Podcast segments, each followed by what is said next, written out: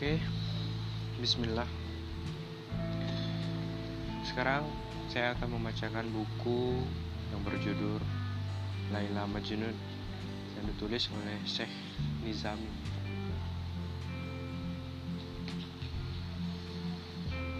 Kita mulai dari bab satu ya. Lembah Hizah berada di antara Mekah dan Madinah. Di lembah itu terdapat sebuah kabilah Bani Amir yang dipimpin oleh seorang lelaki bernama Syed Omri. Kekuasaan Syed Omri sangat disegani bak seorang raja. Sampai-sampai tak seorang pun yang berani melawan walaupun usia beliau tidak muda lagi. Pengaruh kewibawaannya yang besar sudah dikenal di mana-mana, baik di negerinya sendiri maupun di negeri-negeri lain. Harta kekayaannya melimpah bak kekayaan Nabi Sulaiman.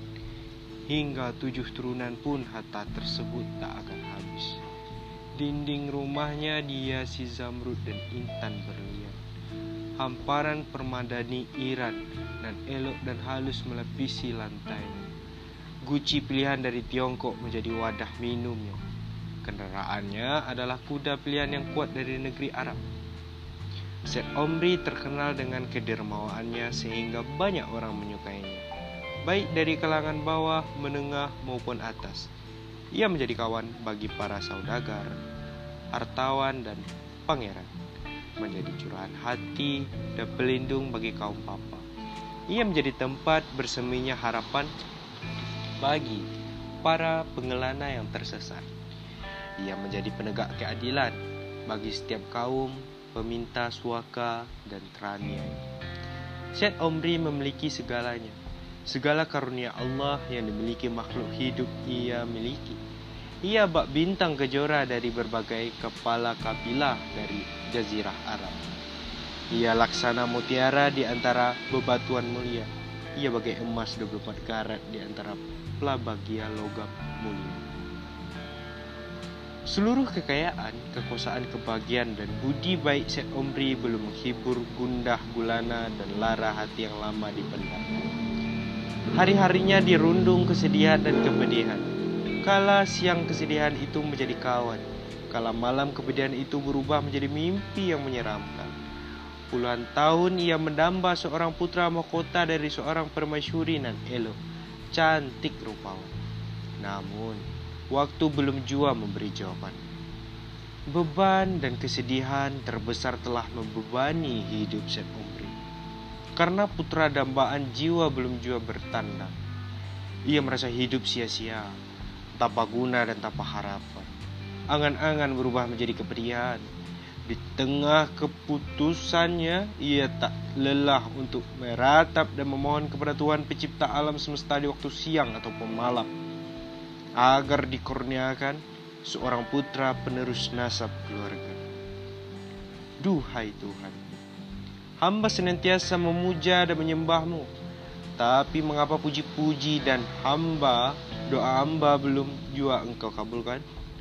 Laksana para pecinta air mata yang bening dan jernih terus menetes tersebab merindukan buah hati yang tak kunjung engkau ulurkan. Ya Allah, Wahai Tuanku, Engkau adalah ilham dan pemberi keturunan. Hamba mohon lepaskanlah kepedihan dan kerendahan hamba. Duhai hati, dan gundah gulana tak menentu. Tak pernah hamba menjauh darimu. Hamba senantiasa memohon dan mengharap kepadamu. Karena engkau merupakan ilham bagiku untuk memetik dawai gitar. Merajut syair cinta dan elok menjadi puja-puji permohonan dan pengharapan akan karunia. Hamba laksana harimau kelaparan yang mencari mangsa di hutan belantara di antara binatang-binatang liar bagi bagi bu, lagi buas. Hamba berburu mencari kebahagiaan yang hilang dari rumah. Cinta dan kekayaan merupakan bunga kehidupan terindah yang mampu menggetarkan perasaan Apalah makna semua kekayaan jika cinta yang menyebabkan hamba merindu jua dalam genggaman emas, permata, intan, dan berlian yang bergelimang menjadi tiada berguna dan sia-sia. tanpa permata hati putra belayan jiwa darah daging dan penerus keturunan apalagi yang didamba dari seorang laki-laki yang sudah uzur seperti hamba selain mendapatkan putra yang akan menjadi pelipur lara. Putra merupakan intan permata yang senantiasa membuat orang tua berkilau cahaya berpijar dengan sinar benderang. Orang tua menjadi semakin indah memesona anugerahilah permata indah tersebut wahai Tuhan hamba. Peliharakanlah mujizatmu tampakkanlah kekuatanmu yang memesona jiwaku duhai ilahi Rabbi tanpa keturunan tidak yang mampu hamba banggakan pada nenek moyang hamba tanpa kehadiran putra apalah hamba warisi dari Adam saling penderitaan dan kesengsaraan para tetua kabilah akan menuduh hamba sudah berbuat kesalahan besar. Sampai langit pun menghukum hamba dengan memberi keturunan dengan tidak memberi keturunan seorang. Tuduhan tersebut akan menjadi diri ini laksana laba-laba yang bersembunyi di balik pakat kegelapan. Dua zat yang maha penyayang, mengapa engkau masih terus menguji hamba? Walaupun jiwa hamba hancur, hamba tetap memohon kemurahanmu tak akan bosan dan lelah lidah hamba memuji untuk memohon set omri jua jemu untuk berikhtiar segala jalan ia lalui segala nasihat dan petunjuk orang pandai ia turuti puja-puji doa ia panjatkan hingga nazar pun ia ucapkan detik demi detik hari berganti minggu bulan berganti tahun Tak lama Syed Omri memohon dan berikhtiar dengan segala macam cara agar keinginannya tergapai. Siang malam Syed Omri meratap dan menghibah pada Tuhan. Jika siang tiba, lelaki tersebut membuka punda-pundi hartanya untuk diberikan kepada kaum papa.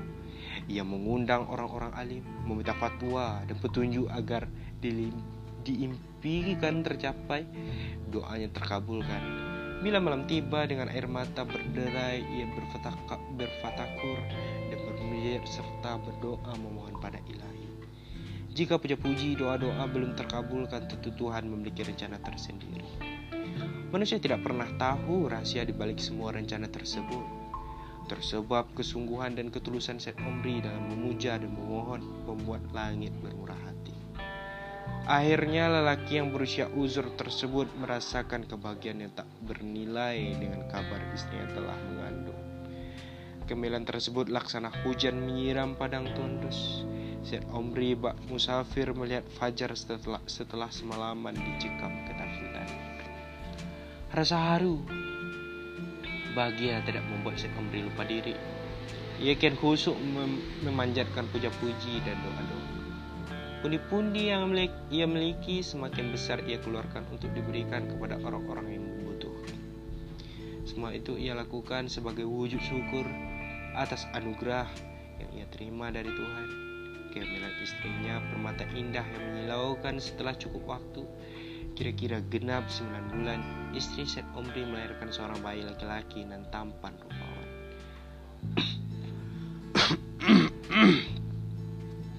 laksana bintang kejora di antara bintang-bintang gem, bintang gemintang di langit biru.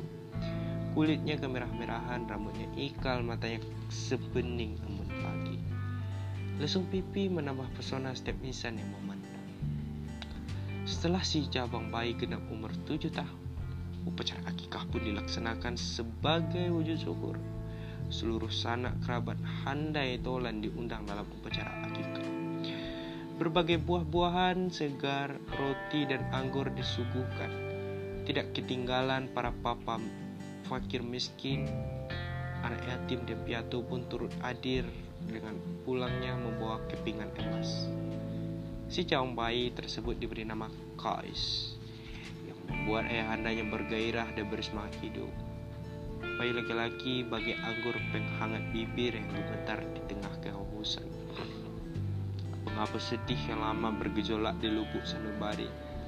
Si Jangpai yang didamba siang malam telah menghadir, menghadirkan air mata dan senyum bahagia.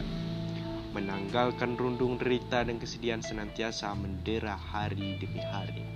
menjadi cahaya kehidupan dan pelipur lara di usia uzur. Bayi tersebut sungguh menjadikan Bani Amir semakin mansur dan harum.